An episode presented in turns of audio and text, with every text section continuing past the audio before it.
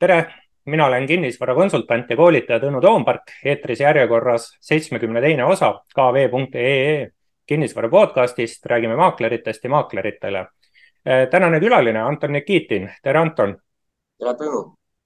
Anton on Eco Advice OÜ juhatuse liige ja kinnisvarainvestor, aga kinnisvarainvestor muuhulgas äh, sellises, äh, kuidas öelda siis eksootilises riigis nagu Gruusia ja, ja tänane idee oligi rääkida sellest, et kuidas siis Eesti kinnisvarainvestor Gruusias hakkama on saanud, mis, mis seal toimub ja, ja pigem niisugune kogemuslugu, et ega me täna midagi, kallid kuulajad-vaatajad, teile päris maha müüa ei plaani. aga, aga ennem kui me nende teemade juurde Gruusiasse lähme, siis äkki paari sõnaga räägid enda kogemusest üldse kinnisvaramaailmas, kes sa oled ja, ja, ja mis sa teed? ja, noh, kinnisvaras ma olen aastast kaks tuhat, et äh, enamasti või noh, üheksakümmend protsenti, millega ma tegelen, on kinnisvaraarendus. Et Ecoadvice kinnisvaral meil on mitu projekti Tallinnas, me juba tegutseme päris nagu ammu. Äh,. elukondlik kinnisvara et äh, suuremad, väiksemad, äh, igasugused on ju. Ja eksklusiivsemad ja lihtsamad, et noh, kõik see huvi korral on kodulehelt leitav, on ju. Mm.. et aga lisaks sellele ma olen nagu kinnisvarainvestor, et äh, mul on ka Eestis teatud kinnisvaraportfell, millega ma juba viimased mingi kümmekond aastat nagu ikka tegelen, isegi rohkem. Ja lisaks sellele mul on, no võrreldes Eesti portfelliga väiksem küll, aga ikka juba võib öelda niiviisi, et see on nagu portfell äh, Gruusias. Hmm.. ehk ma olen ka kinnisvarainvestor Gruusias. Et äh, siis nagu Gruusia vaatest väli, välisinvestor, aga, aga võib-olla, et äh, lähekski, räägiks, kuidas siis elu seal, sealmaal käib, et kõigepealt kas Gruusia või Georgia? No see ei ole ega üks ega teine, tegelikult õige nimetus on ellu.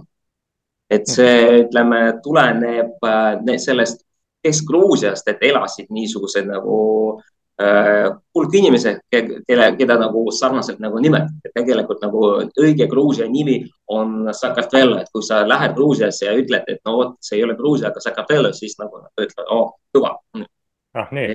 Äh, ja, ja, et aga noh, elu Gruusias on äh,, kuidas öelda, et äh, ütleme linnades, suurtes linnades elu on suhteliselt ilus.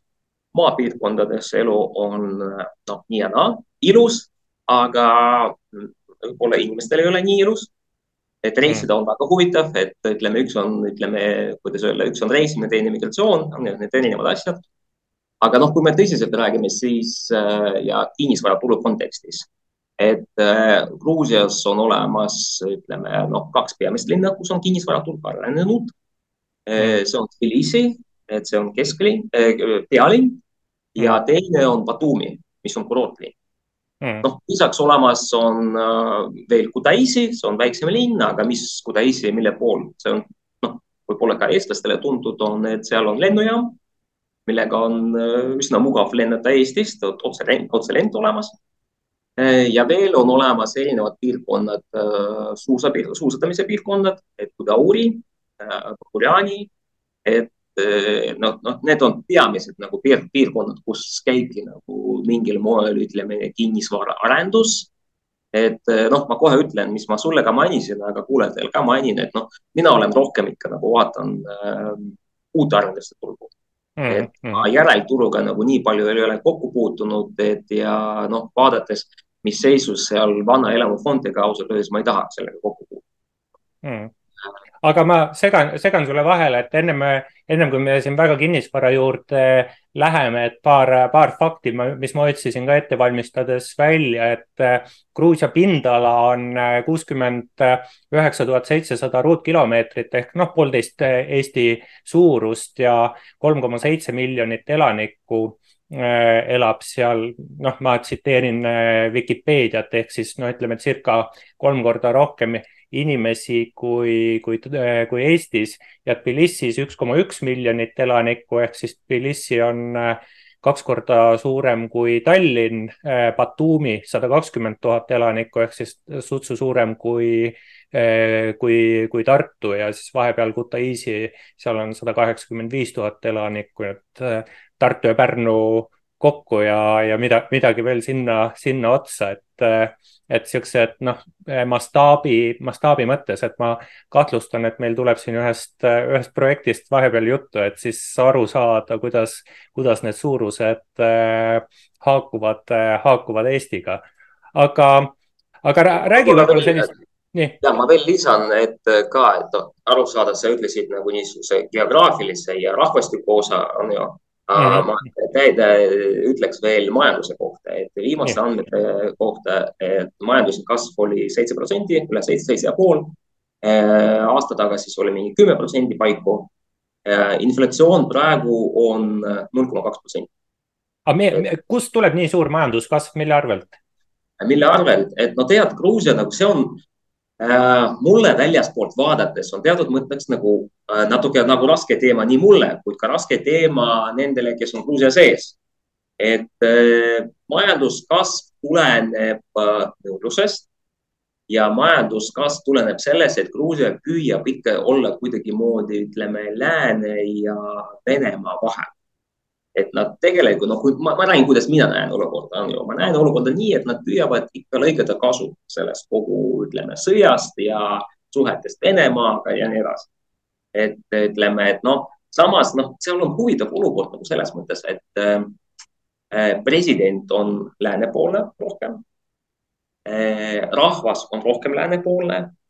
aga valitsus, tead, valitsus on niisugune, noh, ma ei saa öelda, et see on nagu nagu Vene-poolne. ei, seda ei ole mm. -hmm. aga samas ikka nad püüavad ikka nagu omada majanduslikud suhted Venemaaga. samas poliitilised suhted Venemaaga nad eriti arendada ei taha. mm. -hmm. ehk ja antud hetkel tundub, et nagu teatud mõttes ka Venemaa on sunnitud äh, noh, ütleme nii, kas ära kasutama äh, Gruusiat ja Gruusia asukohta on ju, kui Gruusia on nagu asukohapõhiselt on nagu äh, see transiitmaa näiteks Armeeniasse ja seal Türki ja nii edasi, ütleme, et noh mm -hmm et äh, väga niisugune noh, ja mis on üldiselt äh, Gruusia kohta praegu, kui ma, mina alustasin seal, ma alustasin mingi aasta kaks tuhat kaheksateist mm.. mulle oli väga selgelt arusaadav, mis on riigi arenduse vektor mm., mis poole see riik liigub, on ju. kui ma täna vaatan, siis noh, ma ütleks, et see vektor on natuke segane ja on niisugust kindlat nagu vektorit, kuhu poole riik liigub just nimelt oma, ütleme noh, kas lääne poole, Venemaa poole, Türgi poole, et see on ka eraldi teema nagu, kuna mm. Gruusia ikka kogu see Kaukasi piirkond praegu läheb natuke rohkem, kuna Venemaa on nõrgenenud, siis Türgi hakkab noh, rohkem võtma sõna nagu seal mm. mm. ehk noh, väga niisugune noh mm, arusaamatu seis, ma ütleks yeah mina, mina, mina olen lugenud, äh, kuulnud seda, et siis Venemaa sõda Ukrainas, äh, siis venelased pagevad mobilisatsiooni eest äh, pakku ja siis üks koht on Gruusia ja, ja see on siis, et sa ka nimetasid, et majandus on kasvanud nõudluse najal ehk siis see on siis niisugust, noh, ütleme kogu tarbekaupade sektorit olulisel määral mõjutanud.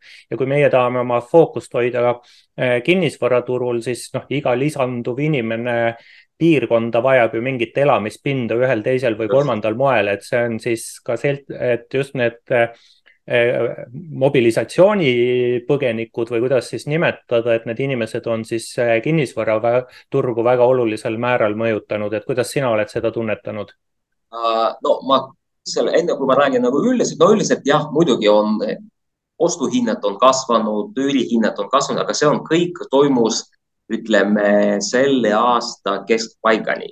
et mhm. praegu trendid hakkasid juba muutma, isegi võib-olla kuskil kevade, kevade lõpupoole trendid hakkasid muutma, on ju.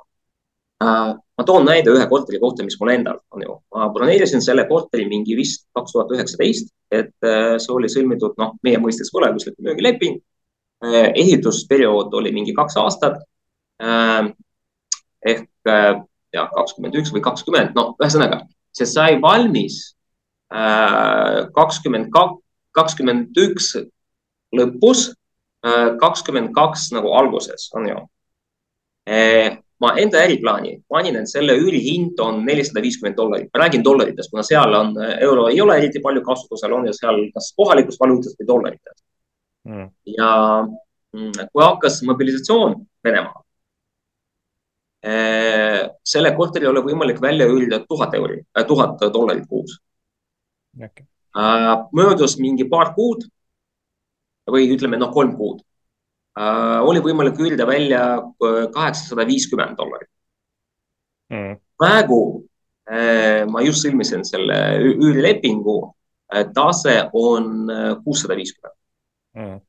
ehk noh, mis ma ütlen, endiselt on oluliselt parem kui äriplaanis, aga mm. samas ei ole tuhat, on ju ja noh, äh, kui me räägime selle sõja mõjust, siis äh, see ongi see, et esmane mõju äh, on toimunud. hinnad on kasvanud, väga oluliselt kasvanud, eriti üürihinnad. ja praegu üürihindade osas toimub korrektsioon mm.. üürihindade, ütleme, noh, kolme aastaga üürihinnad on kasvanud kokku mingi noh, kaheksakümmend protsenti. et noh, kuni kaheksakümmend ja müügihinnad selle kolmeaastase perioodi jooksul ehk noh, seal on nii mõju pandeemia kõik kokku on ju, et mingi kuuskümmend protsenti. Mm, mm. E, ja praegu ütleme, see korrektsioon toimub niiviisi, et üürihinnad on noh, ma ütlesin oma ühe näide alusel, aga mingi noh, kakskümmend protsenti üürihinnad nagu langevad. et mm. kakskümmend viis protsenti, võib-olla kuni kolmkümmend protsenti ja müügihindade osas ütleme niisugust nagu langust otseselt veel ei ole mm. -hmm. ma ütlen veel, kuna minu talupoja mõistus ütleb nii, et kui sul pakkumine suureneb ja nõudlus väheneb, siis nagu hind peab langema. aga mm -hmm. kui ma räägin seal asjaosalistega, arendajatega ja ma loen neid pankade nagu prognoose ja igasugu ja nii edasi, siis ega nad eriti hindade langust ei prognoosi Mm, mm. teatud mõttes seda ka toetab, et hinnad eriti ei lange, näiteks kui me räägime uutest arendustest, siis eh, noh, aastast kakskümmend kaks eh, ehitushinnad kasvasid kakskümmend üks protsenti. Mm, ehk noh, et ütleme samamoodi nagu meil siin on erinevad faktorid. aga noh, mina ise ütleks, et no minu arvates oleks mõistlik, kui hinnad nagu müügihinnad natuke nagu langeksid. kuna taas, kui me võtame arvesse, et Gruusias keskmine palk on mingi, ütleme noh Eh, kas oli kuussada seitsekümmend dollarit umbes mm. no natuke arusaamatu, et ütleme, korterite hinnad on Tbilisis, ütleme niisuguses premium klassis on mingi kolm-neli tuhat dollarit. keskmises klassis on, ütleme noh, kaks, kaks ja pool. ja väiksemas klassis on siis noh, alla kahe. Mm.. võib-olla no, natuke käest ära jah? Ja natuke käest ära ja, aga noh, taas praegu me, me räägime ikka, ütleme, mis on nagu keskmine, räägime keskmisest palgast nagu Gruusias, siin siis arusaadav see, et Tbilisis on see keskmine palk kõrgem.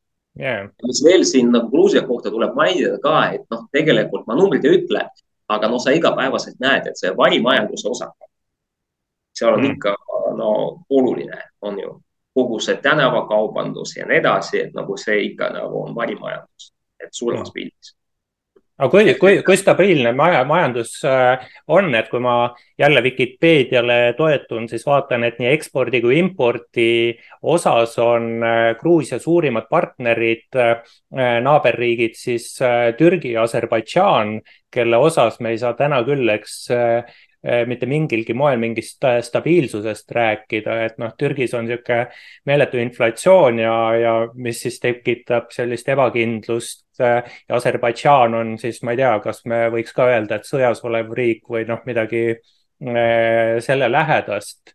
et kui ja, ja siis on, eks impordipartnerid veel Ukraina ja Venemaa, et noh, need ei ole väga, väga siuksed, kuidas öelda, püsivad partnerid, et kui kui kui tugev see majandus on, et kui, kui, kui, kui, kui usaldusväärne on see keskkond no.? Alustame sellest, tead, nagu me siin arutleme Eestis, et no vot äh, Lääne-Euroopast meid vaadatakse kui, et noh, et meil peaaegu sõda toimub, on ju mm -hmm.. samamoodi sa praegu ütlesid Aserbaidžani kohta. ma, ma pühapäeval tulin Bakuust, käisin mm -hmm. Bakuus, on ju, ega tead, seal sõda ei ole seal seda ei ole, seal on, Bakuus on, ma taas nagu ütlen, et no Baku ja ülejäänud Aserbaidžan on nagu ütleme, no erinevad asjad, aga seal on kõik hästi.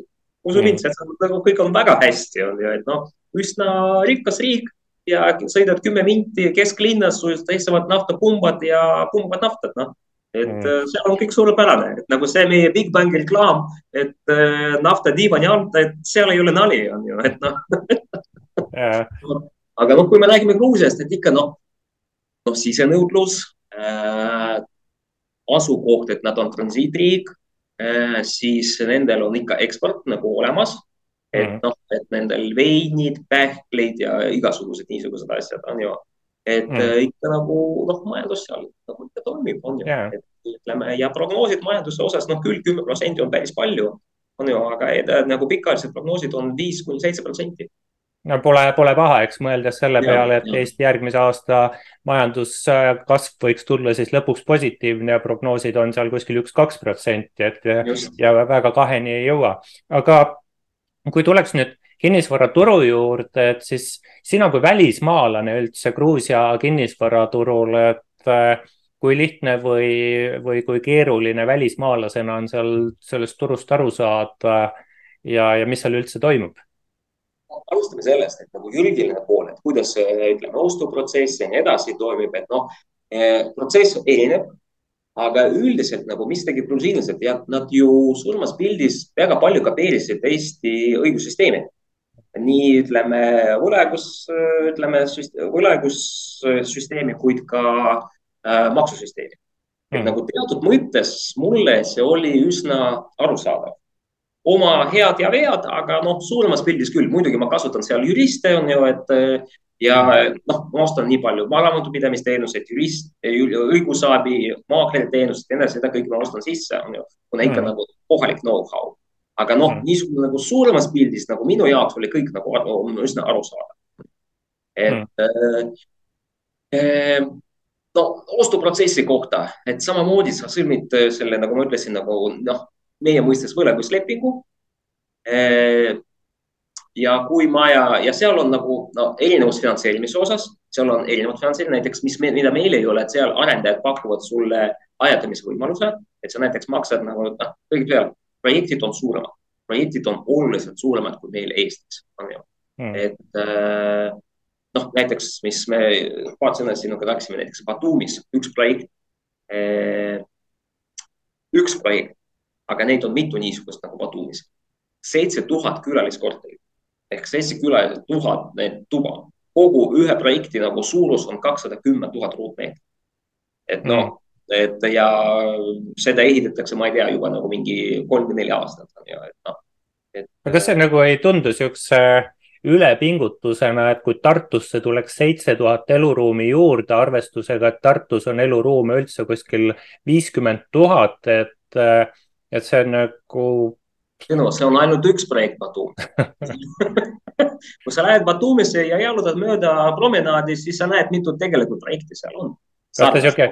nii suur, aga no ikka sarnaseid ja need ehitatakse ja ehitatakse juurde. sa saad Batumis osta selle külaliskorteri endale täiesti sisustatud mingi hinnaga noh, nelikümmend kuni seitsekümmend tuhat dollarit, suurusega mingi kolmkümmend, kolmkümmend ruutu noh mm., sõltuvalt projektis, asukohast ja nii edasi, on ju. ja Batumis ostjateks on noh, tead, mul ühel Eesti sõbral on IT-ettevõte, temal töötab iraanlane ja ta eelvitab, et iga ennast peetav lugu iraanlane peab omama korteri Batumis et mis on veel huvitav, kes on üldse ostjad Gruusias, et okei okay,, kohalikud, mm, kohalikud moodustavad mingi kaheksakümmend protsenti Äh, siis lähevad äh, venelased, venelased moodustavad mingi, ütleme, kaheksa protsenti. Ja siis on kõik teised. Mm.. ja nendest kõikidest teistest külmaprotsendiliselt ei ütle, aga viimane, mis ma lugesin, oli see, et äh, Iisrael. Mm.. et tegelikult Iisraeli osa on kõige suurem. Ja see mm. oli enne, noh, neid sündmusi, mis praegu, ütleme, Iisrael toimub. Mm.. aga mis see Batumi võlu on, et kui öelda Batumi, siis mina mõtlen Bulgakovi peale aga, aga et miks, miks inimesed tahavad äh, minna siis Batumi, et mis, mis seal no, tõmbab? ja, et ütleme nii, esimene islamiriikidele, ma ei ütle kõikide kohta, aga kasiinod. et noh, praegu mitte, aga varem näiteks äh, mõned aastad tagasi, et kui sa saad ehitusloa mingi hotelli ehitamiseks, sa kohe saad endale kätte äh, kasiino litsentsi mm.. Batumi on tegelikult kasiinode täis. ahah, okei okay.. et ütleme, noh, üldiselt Batumis on no seal ütleme, kuidas öelda, et noh äh, kui sul on hea projekt ja seal on täitsa mõnus suvel olla. et mm. ütleme, noh, mulle meeldib ikka eh, olla nagu väljaspool Batumit ja noh, kui me räägime, siis mul olemas üks korter väljaspool Batumit, mitte kaugel seal, aga väga heas asukohas. Eh, väga ilus projekt just sai valmis, käisin mingi kuu aega tagasi selle vastu võtmas mm.. et mm., et üldiselt seal on ikka mõnus ja siis sinna tulevadki vaata seal kaasa ta,, taas asukoht on ju. et araablased sinna tulevad, kuna seal on natuke, noh, saab mängida kasiinos ja on veidi külmem kui neil no,. Mm -hmm. Iisrael on lihtsalt väga lähedal mm. -hmm. et ka samamoodi ütleme tegelikult otselennuga ja kõik on hästi.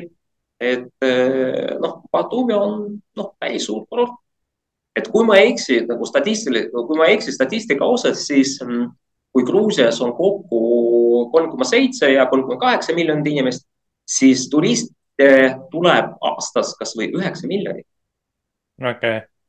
ja ütleme, et noh, selles mõttes turism on üks, ma arvan, et see taas, ma ei, ei oska nagu numbrid öelda, aga niiviisi vaadates turism on uh, suurim osa majandusest. Mm.. seal on kõik turismi peal ja see, mis pandeemias oli, pandeemia ajal oli muidugi nagu, et noh, see oli, ütleme kogu riigi majanduse jaoks nagu õudne mm aga kinnisvara maailmas niisugune detailsem küsimus, et sa ütlesid, et et õigussüsteem on mingis mõttes siis Eesti pealt maha kopeeritud, aga, aga mida sa, millesse sina oled siis investeerinud nüüd niimoodi päriselt, et kas sul on kinnisvara äh, omad või omad sa seal mingit äh, hooneühistu osaku laadset kinnisvara, et äh, eraldi katastriüksusega korter, et kui korter saab valmis, no kui maja saab valmis, siis igale korterile antakse eraldi katastritunnust, et siis see ongi omandiõigus mm. -hmm korteriomandilaadne. no ja meie mõistes korteriomand, jah, see ongi, ütleme, omandiõigus, et mitte mm. hoonestusõigus või osalus, et see on konkreetselt nagu omandiõigus ja see ongi see, mis mulle näiteks noh, ma tean, tean, et nagu Balis sa saad, ütleme, osta nii omandiõiguse, kuid ka ütleme noh, hoone, hoonestusõiguse, et aga Gruusias noh, ainult omandiõigus mm. -hmm et, et noh, võiks arvata, et kinnisvara omamine on mõnevõrra konkreetsem kui siis mingi niisuguse abstraktse osa, osaku omamine. aga noh, teadupärast kinnisvara investeeringut tehakse tavapäraselt laenurahaga, et kuidas, kuidas sa oled finantseerinud oma investeeringuid? nii omavahenditeks kui ka laenurahaga, et äh, aga äh, kui mina nagu finantseerisin laenurahaga, see oli taas, sa võtad laenu, noh, see on ka Eestis nagu eri, eristuv on ju, et kui sa sõlmid planeerimislepingu, siis nagu ma ütlesin, et sul on kaks varianti. Et üks variant, et äh, sa, mm, arendaja annab sulle ajapikenduse, et näiteks ehitusperiood kaks aastat, sa maksad kakskümmend protsenti sisse või kolmkümmend protsenti sisse äh, alguses ja äh, näiteks kakskümmend, kolmkümmend protsenti lõpus, kui maja saab valmis ja ülejäänud summa jagatakse selle perioodi vältel nagu näiteks mm. kaheksa aastaks igakuiselt maksad. see on üks variant, on ju. Teine variant, kui sa kasutad panka, siis tegelikult sa laenu võtad kohe selle lepingu sõlmimisel, planeerimislepingu sõlmimisel või ütleme noh, võlaõiguslepingu midagi, nimetad seda eelleping on ju, et nagu eellepingu sõlmimisel, et sa kohe võtad laenu ja kohe, kohe hakkad maksma pangale laenu tagasi. et tegelikult kogu selle ehitusperioodi jooksul nagu sa maksad mm. -hmm. ja noh, mina olen kasutanud nagu mõlemad variandid, et äh, aga äh, aastast kakskümmend kaheksateist, üheksateist, kakskümmend, et äh, laenu oli oluliselt lihtsam võtta. praegu välismaalastele võtta laenu on raske põhjusel, et nad ei taha võtta arvesse minu, ütleme, välismaa ehk nagu selles mõttes nagu Eesti turu mm.. varem ma näitasin nendele, ütleme, konto väljavõtted, et mis on minu palk. ma näitasin nendele, mis on minu näiteks noh, dividendid, mis ma saan, on ju. et äh, selle alusel nad äh, ütlevad, et jah, okei okay,, me saame anda sulle nii palju, et aga praegu nad ei võta seda arvesse mm.. ja noh, minu viimane kogemus, mul on olemas äh, korterid ka ettevõtte nime, et selle Gruusia ettevõtte nime. et noh, see viimane nagu väga kummaline kogemus oli see, et nad ütlesid, et minu isiklikud tulud peavad katma nii firma kui ka minu isiklikke kohustusi. noh, okei okay., et nagu väga-väga-väga kummaline, et mm. ühesõnaga, et nagu praegu ma ei näe võimalust, et ma saaks pangast laenu. Mm.. aga mis intressimäär siis, kui meil täna Eestis ja eluasemelaenude intressimäär on viie koma seitsme protsendi peale kerkinud, sealhulgas siis Euribori neli, neli protsenti ja natuke pealegi, et mis intressimääraga Gruusias sa oled laenu saanud? seal, no kõigepealt see sõltub sellest, kas sa ostad või kas sa võtad laenu kohalikus valuutas, selle laaridest mm., dollaritest või euridest, on ju mm. -hmm. et äh, laaridest on intressimäär kümme kuni kaksteist protsenti Äh, dollarites see on, äh, äh, dollarites see on mingi kaheksa, kaksteist protsenti ja kõige madalam on eurides, see on kuus ja pool kuni kaheksa protsenti. Mhm, mhm. ja see on, ütleme seal äh, alguses see on nagu fikseeritud, aga mingi kahe-kolme aasta möödudes see seotakse Liboriga. okei okay et noh, et, nendel see nagu nii, nii, nii, niiviisi nagu vähemalt tekib. et, et noh, suuremas pildis, ega noh, praegu need intressimäärad, ütleme noh, kümme on muidugi palju, aga mingi viis-kuus protsenti, ega need ei hirmu mm.. aga kui pikk, kui pikk graafik? ütleme viisteist, kakskümmend, kakskümmend viis, et kolmkümmend ei olnud kakskümmend viis olid nagu üksikud juhtumid, kui ma rääkisin, aga enamasti on mingi viisteist, kakskümmend. Mhm, mhm. et siis võib-olla, võib-olla sellise neljakümne, neljasaja viiekümne dollarilise üürihinnaga sa oled rahavooliselt nullis ja kõik, mis üles tuleb no,. ja, ja, et ütleme, et noh, tegelikult samamoodi Eestis sa oled mm. -hmm. no, on üldse arusaam niisuguses, ütleme, see ärikinnisvaras, see on absoluutselt, see on äri, on ju Äh, mm. elukondlikku kinnisvara investeeringut ma alati lähenesin, et see on kapitali säilitamine. ja kõik, mis tuleb oh, nagu plussina, see on lihtsalt nagu võit mm. -hmm. noh, et noh, äh, Gruusias selles mõttes võit tuli okei okay,, nagu oli eeldada, et see jooksev tootlus on nagu suurem. et äh, aga võit muidugi tuli äh, kapitali kasvust, väärtuse kasvust mm. -hmm. et me kui liiguksite edasi, eks, et nõudlusest sai juba räägitud, kes siis äh, uute korterite turul ostupoole peal on, aga, aga võib-olla nii palju ka, et kuidas see üüriturg äh, toimib üldse. kas üüriturg on hea sinu kui investori vaatest? jah, jah, väga, et äh, üüriturg on hea, kõik on arusaadav, lepingud on meie lepingutega väga sarnased. noh, küll ma kasutan nagu maakleri teenust, et mis on seal, mis meil ei ole nii võib-olla nagu ütleme levinud, aga mis meil võib olla levinud nagu IT-spetsialistide jaoks, aga seal nagu erinevate, ütleme, eriti peale pandeemiat oli mitu ettevõtjat, kes, kelle tegevusala ongi, et nad aitavad äh, kohale tulevatele inimestele, ütleme noh, harjuda kohaliku eluga, tervele mm. ettevõtjale näiteks, ettevõtja soovib oma kontorit kolida ümber, on ju, siis nad mm. aitavad nagu harjuda kohaliku elu, eluga ja siis nad otsivad nagu kelle käest üürida, siis nad pöördusid minu maakleri poole ja siis ütleme noh, maakler aitas ja siis nagu oli niisugune kolme, kolme, nelja poolega ütleme suhtlus mm.. et mina, üürnik, ütleme maakler ja siis see, see ettevõte, et noh, meil Eestis, ma ei ole ise nagu, mul Eestis ei olnud. jah Eestis, Eestis siin kõiksugu IT-ettevõtetel on ka siuksed relocation specialist'id. Oh, ja, ja midagi sarnast ja, ja, ja mm,. Mm. et ja noh, üürnikud on igasugused äh,. muidu seal on väga palju tudengeid, aga noh, see on natuke teine klientuur veel sellega, mis äh, segmendis mina oma kinnisvaraga seal olen. aga tudengid nagu Iraanist tulevad ka, et õppida, Tbilisis õppida meditsiini ja noh, üldiselt seal jah tudengid päris palju ka. välismaalasi ka tuleb igalt poolt, et noh, selles mõttes on, noh, üldturg on ikka täitsa, täitsa korralik.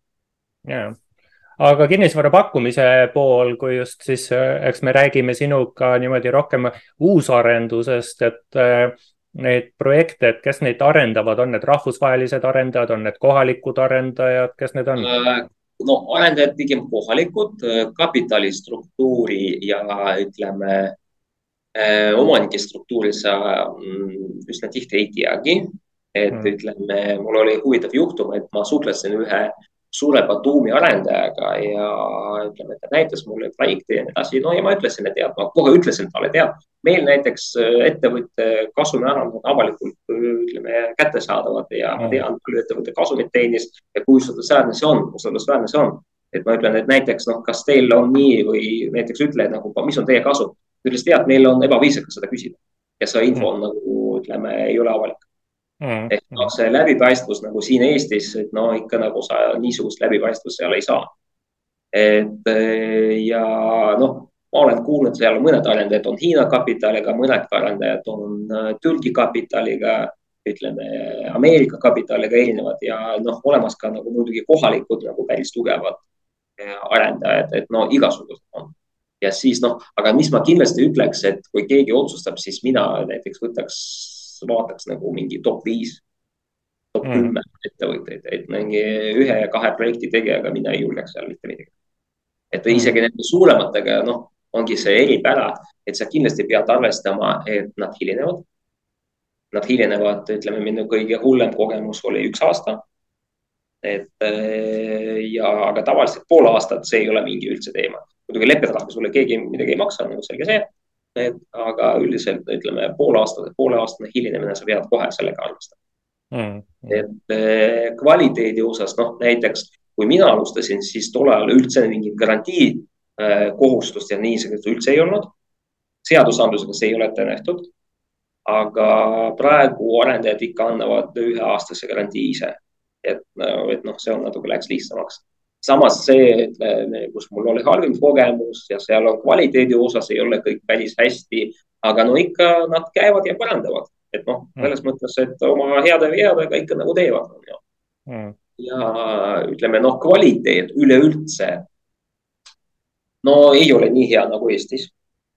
aga suurte arendajate käes, mis ma vaatasin ja mis mul on, et eh, viimased asjad on ostud, et no talutav ütleme nii. aga ma tahaks just küsida, eks, et kui tavapärane korteriostja läheb korterisse ja hindab kvaliteeti, siis ta vaatab seda, et kas pragu on kuskil laenurgas või, või mitte, eks, mis tegelikult ei pruugi kõige olulisem probleem olla, et sinul on äh, sinu ametist tulenevalt niisugust natuke laiemat teadmist, et, äh, et kuidas, äh, kus sa näed, et on niisugused tõsisemad probleemid või, või millega siis veel siis, millega no, väiksemaid probleeme on? no taas alustame selles, et mis minu jaoks on tähtis, et nagu minu tähtis, et noh, mina viimase korteri üldse oli mingi loetud kuud tagasi, mis ma võtsin vastu, et nagu noh, mina vaatasin oma proffsilmaga juba, et noh ma tean, kuidas meil vastuvõtmine käib ja siis nad nagu imestasid, et noh, et mul, mul on nii palju märkusi, aga samas ma pean kohe peale ütlema, et nad tegid kõik ära ka. Mm.. Nad ei vaielnud vastu, isegi seal, kus minu arvates nad võiksid natuke vaielda, nad ei vaielnudki, nad lihtsalt tegid, tegid ära. et mulle tundub, et see tööjõud seal on nii odav, et nendel on lihtsam nagu ära teha, kui vaielda yeah.. et eh, teatud mõttes nad on kahjuks nagu noh, tiimistlustööde kvaliteedi osas nagu üsna lohakad mm.. et noh, et üldiselt mulje on okei okay,, aga kui sa hakkad nagu vaatama detaile, siis sa näed, ega nagu meil ei ole Eestis näiteks no, isegi ei ole teine klass, on rääkimata esimesest klassist. Aga no niisugused asjad, et noh, et kas kapi, kapi nišid on vajaliku sügavusega või kas lülid on, on õigel pool ust ja kas torud tulevad seinast sealt kohast välja, kus nad no, peaksid tulema ja kas no, sein on nagu,? ma ütleks nii, tegelikult juhtub Eestis ka juhtub, on ju, et no näiteks mul oligi juhtum, et noh, nad panid äh, koridoris äh,, koridori peab minema sisse ehitatud kapp, on ju. Ja siis nad lüliti panid selle kapi ukse kohale mm. -hmm. no, no, no, no sa vaatad selle peale, siis ma palusin parandada, tulen kolme kuu pärast. kõik on tehtud, see on tegemata. ma ütlen mm., miks? unustasime, no, no no, no tegelikult juhtub, on ju et noh äh,, aga noh, aga noh, veel kord, nad teevad ära mm.. võib-olla sa pead mitu korda ütlema, aga nad teevad ära. Et noh meil on selles mõttes nagu lihtsam on ju, sul on fikseeritud ja nad teevad ära. aga mm. seal on nii, et nagu see on fikseeritud, see ei tähenda, et nad teevad sa pead lihtsalt mitu korda nagu pöörama sellele tähelepanu, et noh, tehke, tehke ära. no näiteks ühes kohas on jahutus, no vot, mis on veel erinevus on. me, me praegu hakkasime nagu võimalusel paljudes projektides panema jahutuse või jahutuse valmiduse on ju. seal ikka sul kindlasti jahutus olemas, et seal ilma jahutuseta ei saa. ja kui meie, meil sa vaatad, et sa tahad korterile rohkem niisugune päikesepoolset osta, siis seal pigem sa ostad nagu ikka varju poole, ütleme, sul otsene päike ei ole nii, ei, ei ole nii palju vajalik, on ju, kuna noh, näiteks Tbilisis suvel võib olla kuni nelikümmend kraadi sooja, et nagu ega sa ei taha no, mm.. et noh, näiteks panid nagu selle jahutusseade, selle, mis on sisemine osa, nad panid kõrgusele mingi, ma ei tea, peaaegu poolteist või üks koma kaheksa meetrit. küsin nagu seina peal, miks? No vastust ei ole, nii, nii lihtsalt nii panid, no et no okei okay,, tõstke üles, noh tõstsid, noh mm.. et ütleme niisugused nagu noh, minu arvates see ongi lohakus, ega nagu muud ei ole. jah, aga siukseid lohakusega saab äh, võidelda selle läbi, et kogu aeg tuleb silma peal hoida, et kuidas sina ja, siis, kes sa ju tegelikult ikkagi Eestis äh, elad ja tegutsed, et kuidas sul silma peal hoidmine on õnnestunud? Äh, no oligi noh, näiteks ka viimane juhtum on see, et nad ütlesid mulle aprillis, et tule, kõik on valmis vastuvõtmiseks. ma tulen, vaatan ja ütlen, no ma arvan, et kuskil september. Nad ütlevad ei, ei, ma ütlen, no okei okay noh, me vaatasime üle, et korter oli sees nagu asjad olid tehtud, äh, mis on taas eripära. valmis korter, see ei tähenda, et sul on, ütleme, väljaspool kõik tehtud mm.. sul võib olla trepikoda on pooleli, võib-olla sul on kogu haljastus üldse tegemata ja veel käib, ütleme, ladustada ehitusmaterjalid, aga inimesed juba korteris elavad et noh, et äh, see on ka minu jaoks väga kummaline, aga sa lihtsalt pead nagu harjuma ja see ei ole ainult ühes projektis, on peaaegu kõikides projektides niiviisi oli aga noh, ongi see, et sa nagu siis äh, vaatad, paned kirja. noh, ja siis äh, praegu käisingi kuskil septembris, et noh, hmm. septembris oli tehtud juba, septembris oli juba sai elada, ju et no, et mul otseselt ehitusega niiviisi, et keegi ei aita, ehk ma ise käin ja vaatan ah,. mis veel eripära on see, et mitte kõik korterid on müügis valmis kujul et seal on olemas äh, mitu, ütleme, staadiumi, et üks on äh, valge karp, must karp ja siis on olemas ka roheline karp on ju ja nad kõik omavahel nagu eristuvad, noh, valge ja must karp on nagu meie jaoks on arusaadav, on ju, aga seal nagu valge karp, see tähendab, et sul juhtmeid ei ole. et ja. sul seintes juhtmeid ja roheline karp, see on pigem juba, juba seintes juhtmetega mm.. et äh, ja no vot, see on nagu teine kogemus, et siis sa pead otsima inimest, kes hakkab sulle korraldama seal remonti ja nii edasi ja siis sa pead veel leidma inimese, kes hakkab kontrollima kvaliteedi, kas see on hästi tehtud või mitte. et noh, see on tegelikult peavalu, et ikka mina püüan, et ma ükskord mul ütleme nii, et noh, kogemus oli, rohkem ma ei taha. Et äh, praegu ma ikka püüan osta asju, kus on viimistlus tehtud lõpuni. Mm.. E, aga kahjuks ütleme kui see on näiteks valge või must kaart, mida iganes, arendaja ei võta enda peale, isegi kui sa ütled, ma maksan teile nagu juurde, arendaja ei taha sellega tegeleda. Nad ei taha sellega tegeleda, kuna nende jaoks, et noh, projektid on suured ja nendel see nagu viimistlusega ei äh,, ma ei tea, kuidas see viisakalt öelda. äh,, tegelemine ikka jah, et äh, viimistlusega tegelemine, no tekitab peavalu, et nad ja. ei taha, nendel on lihtsam samamoodi äh, näiteks sisustamine. et äh, Äh, kui mina sisustasin ühe korteri, siis ma sattusin just sellele perioodile, kui oli nagu buum mm.. ja põhimõtteliselt ei öelnud mitte midagi saada. sa lähed IKEA-sse, sa ei leia seal nagu normaalse nagu mõõduka lauda, et nagu panna. Ja mm. see sisustamine mul nagu tekib no,, mina siis korraldasin inimene, oli koha peal inimene, kes tegi mulle pilti ja saatis, et mina maksin temale eraldi selle eest, et ta käi, jooksis ringi ja valis asja. aga ma kasutasin selleks Eesti sisekujundaja abi mm.. et noh, oli võimalik leida ka sisekujundaja nagu Gruusiast eh,. aga nad pakkusid mulle õlikorteri jaoks, et sisustus maksis mingi viiskümmend tuhat euri. Nad hakkasid mulle pakkuma mingi Itaalia eritellimusel tehtud mööbli, ma ütlesin, et nagu no milleks, et no ma ütlesin ju teile, et see on õlikorter. no jaa, aga nagu me tahame, et kvaliteet oleks rahul. et ütleme, et noh, see on natuke raske ja praegu viimane, mis me tegelesime, me tegeleme, ma, ma tegelesin Batumis kontori sisustamisega, et noh, seal ka oli nii, et äh, no mitmed asjad olid väga ilusad, aga näiteks te, oli tellitud, ütleme, kapp ja selle mitte sisse ehitatud, aga ütleme noh, tavalised kapid magamistubadesse on ju.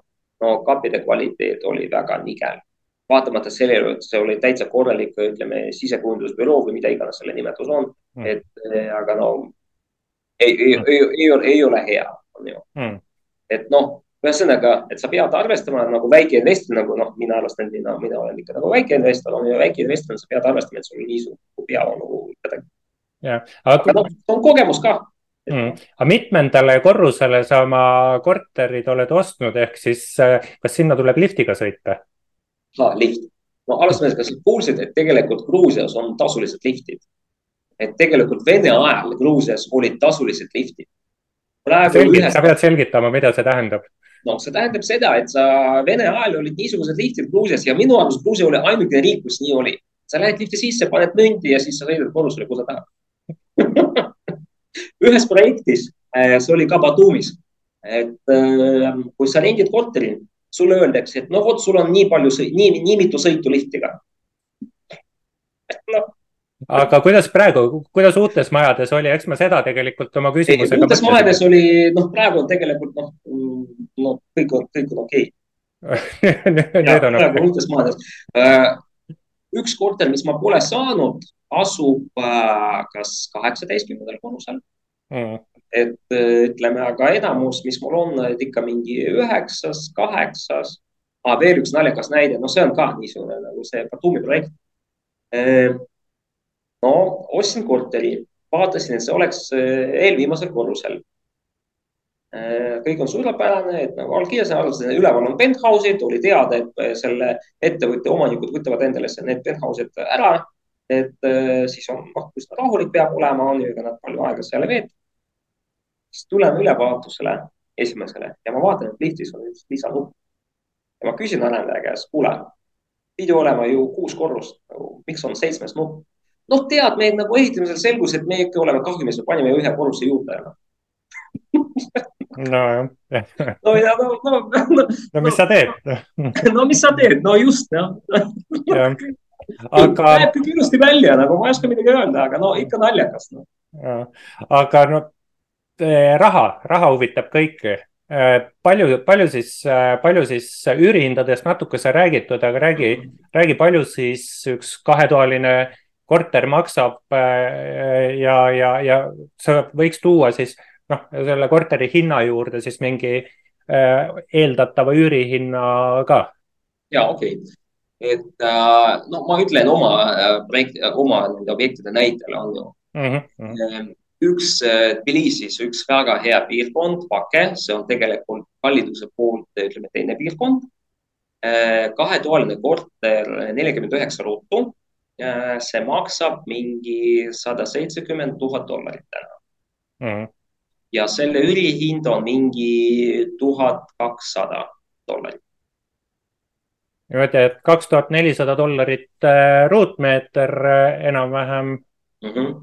aga ei okay., see on ikka, see ikka rohkem. nelikümmend üheksa, sada seitsekümmend jagades neljakümne. kolm tuhat nelisada jah, jah, jah, kolm tuhat nelisada. aga nad müüvad rõidud äh, korteri ruutmeetri hinnaga. aa ah,, okei.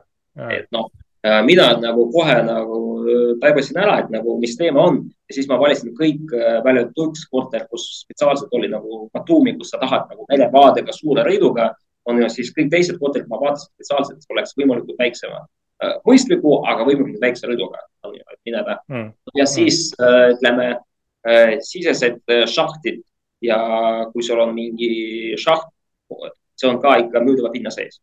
et noh, seal on natuke see teine teema teistsugune on, et see on üks näide. noh, teine näide, mis on ka uus arendus, aga odavama klassi oma, siis mingi nelikümmend üheksa ruutu see korter maksab äh, sisustatud ka kujul, on noh, sisus on umbes kümme tuhat Äh, dollarit. Äh, see maksab mingi üheksakümmend seitse, võib-olla üheksakümmend viis tuhat dollarit mm.. ja selle üürihind, noh, ongi, ütleme kaheksasada, kuussada viiskümmend. Mm. aga noh, see on, ütleme jah, et see on see. ehk noh, see läheb nagu mingi no alla kümne protsendi tootlusesse no kui ma peast praegu arvutan, et siis ka kaks tuhat äh, dollarit ruutmeeter ja, ja tootlus, rahavooline tootlus seitse koma äh, kolm protsenti.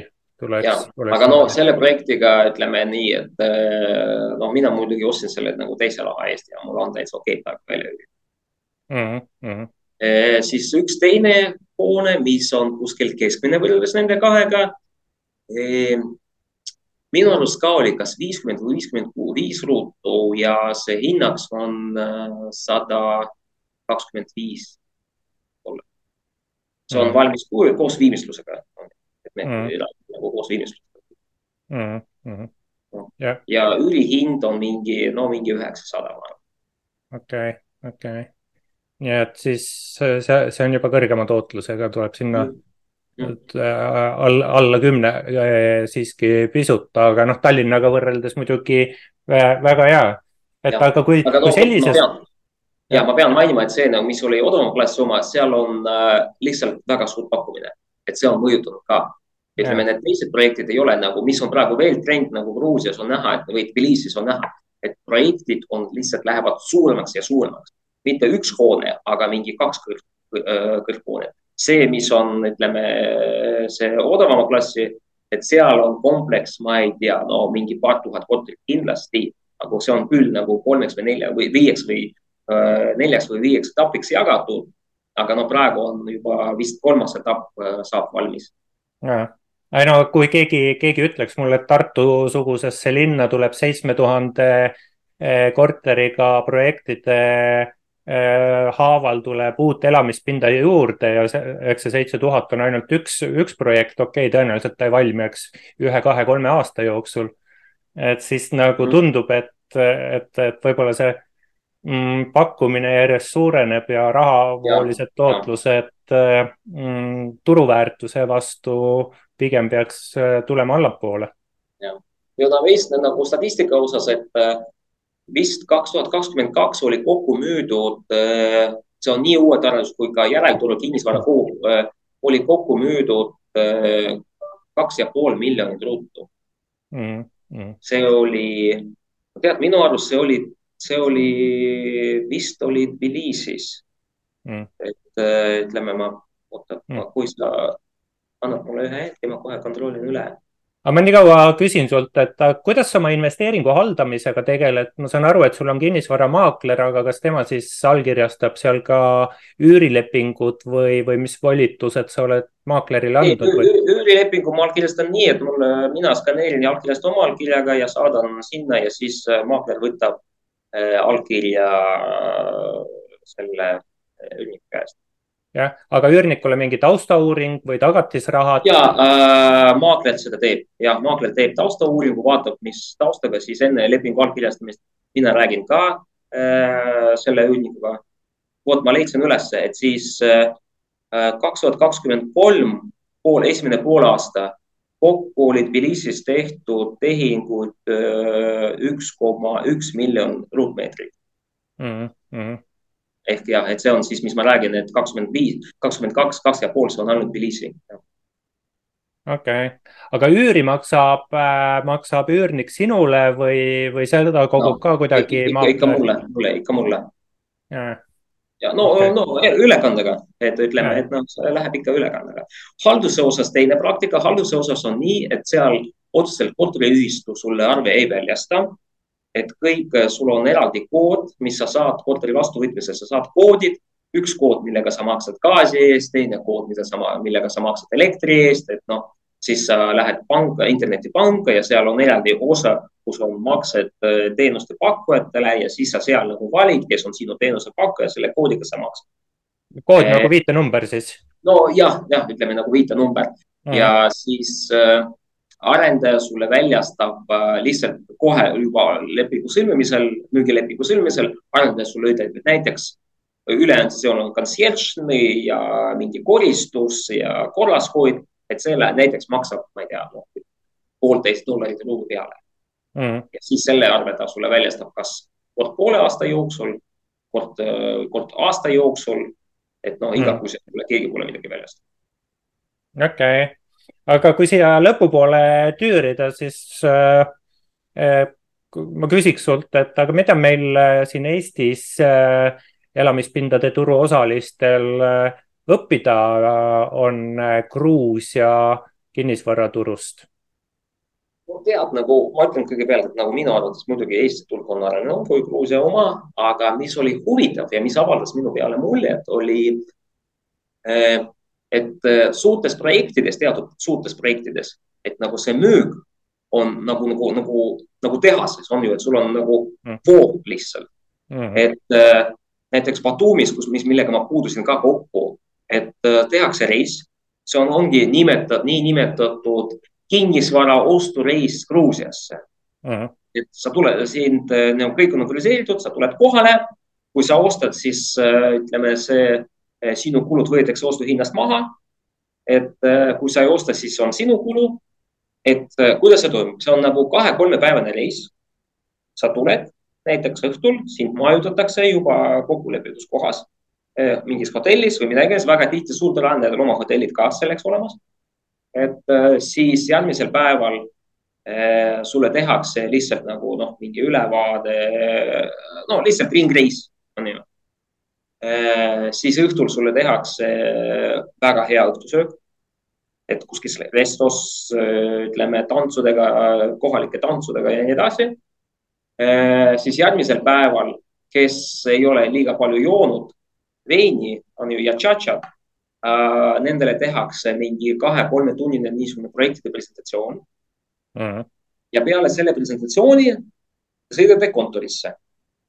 kontoris sa valid endale korteri, allkirjastad planeerimislepingu, kohe kõrval toas istub äh, panga esindaja et kellega sa räägid läbi finantseerimise tingimused, on ju, ja ta põhimõtteliselt noh, arvatavasti need on lihtsalt kokku lepitud, ütleme teatud raamid, mille raames sa nagu ütleme, nad saavad kohe sulle tagada nagu selle otsuse. ei, tead, nad ütlevad nii, et nagu nad annavad sulle otsuse mingi kahe päeva jooksul või midagi sarnast. veel, kui sa oled ikka Gruusias, on ju, et selles mõttes selleks hetkeks mm. sõidad täna sulle otsus olemas, on ju. et siis sa nagu sõlmid selle nagu lepingu. Siis sa lähed tegevjuhi juurde, et tegevjuht räägib sinuga paar minutit, on ju, et saada aru, kes sa oled. et ja ütleme, noh, tutvustab ennast ka ja nii edasi, et see on ikka nagu, tava. jah, vot mm ja, ja siis no ongi see, et sul on nagu, nagu voog mm. -hmm. et tehing peab olema tehtud.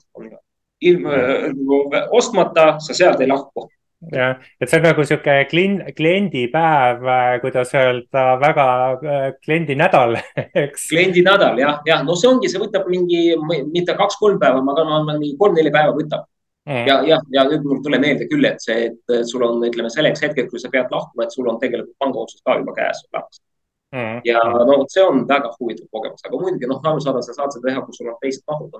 kui meie siin Eestis arendame või noh, näiteks Ecuador arendab, ma ei tea, kahekümne seitsme korteriga, külaliskorteriga äh, maja, on ju, ega nagu me noh, ringreisi ei hakka tegema, on ju.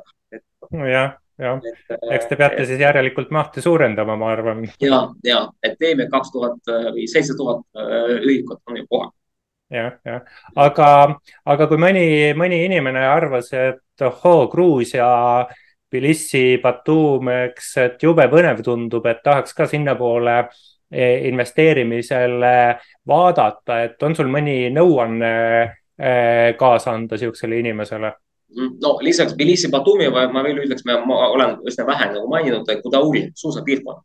Mm.. mulle meeldib suusatada, muidugi see ei ole Itaalia aga ütleme, suusakurordid Gruusias on arenemas, nad iga aastaga teevad neid lifte nagu ja trasse juurde ja nii edasi, et noh, see on ka üks, kui on, kui oled, ütleme, suur suusa või lumelauasõber, et siis mm. on ka nagu väärt nagu. aga noh, üldiselt esimene, mis on, mille peale, mida ma ütleks, on see, et ootused et no oma ootustega sa ikka pead olema, kuidas öelda, et ei saa eeldada, et see läheb nii nagu Eestis et see on ikka teine riik, on ju teine, teine tava.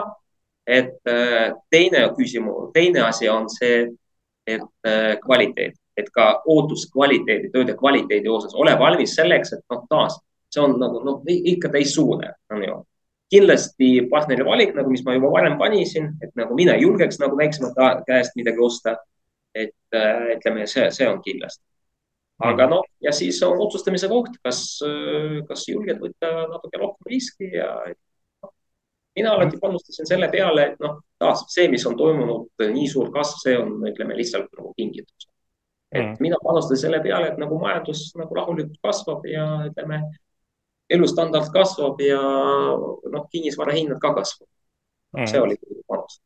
aga mis see, mis see põhjus on, et mis see selline lootuse kiir on, et miks praegu võiks sinnapoole heita just äh, investeerimisega oma pilgu, et on äh,, millele mängida nii-öelda? no ma ütleks selle peale nii, et on näha, et palk, et inimeste, ütleme, palgad ikka kasvavad veel mm.. ehk nagu riigil on areng, see on arenev, arenev äh, riik, et sellel on potentsiaali. muidugi mm. ma ütleksin, et see on nagu niisugune nagu noh, vektori küsimus, selle poliitilise vektori küsimus on natuke nagu lahtine. aga no üleüldiselt mina endiselt nagu usun sellesse, et, et riik areneb edasi mm.. et noh, ma küll ei soovitaks panna, teha esimese investeeringu Gruusias. et ja küll ma ei soovitaks teha mm, viimase raha eest investeeringu Gruusias aga noh, me teame, mis tootlused Eestis on ju, et noh, see on valik. näiteks seesama, mis ma ütlesin, meil külaliskorteriga see projekt on ju seal, sa saad tootluse, noh, mis on meil müügis, on ju, et nagu viis, võib-olla viis ja pool protsenti on ju. noh, Gruusias sa saad, ütleme kaheksa, üheksa protsenti on ju. see on otsustamise koht mm.. et kas sa ostad Eestis väiksema mm. korteriga, ütleme ja niisuguse tootlusega, on ju. või sa lähed Gruusiasse. ja siis noh, see ongi nagu aga muidu ka huvitav riik ja mulle meeldib, et see on, ongi, ongi niisugune tead nagu hobi ja ütleme ja äri ka mm. -hmm. ja, ja lihtsalt siukse fun fact'ina võib-olla siia lõpetuseks, et äh, Batumi lipp on nagu Tallinna lipp, sinise-valge triibuline, et okei okay,, nad on sinna keskele oma vapi ka pannud, aga, aga see, see, see selleks, et Tallinna lipuga siis äh, samasugune. aga võib-olla siin võtame. ja muidu tead veel mainin, et tegelikult äh, grusiinid on väga hästi meelestatud eestlastele. et nad teavad, et Eestimaa on niisugune riik, mis toetas neid ja nii edasi, et äh, nad on mm.. Mm, mm. Aga võib-olla siis äh, selle, selle nagu, et eestlastele alati meeldib, kui neid kiidetakse, eks. et selle tõdemusega võtamegi otsad äh, kokku ja täname kõiki kuulajaid-vaatajaid, et oma aega meile pühendasite. seitsmekümne teine osa kv.ee kinnisvara podcastist oli eetris ja täna rääkis Anton Nikitin, Ecoadvice'i juhatuse liige meile oma seiklustest eh, Gruusias ja investeeringutest eh, Gruusia elamispindadesse. mina olen kinnisvarakonsultant ja koolitaja Tõnu Toompark ja eks kohtume järgmistes kv.ee kinnisvara podcastides ja seneks siis kena sellist talve, talve alguse ootust. järgmise korrani. järgmise korrani, tänan sind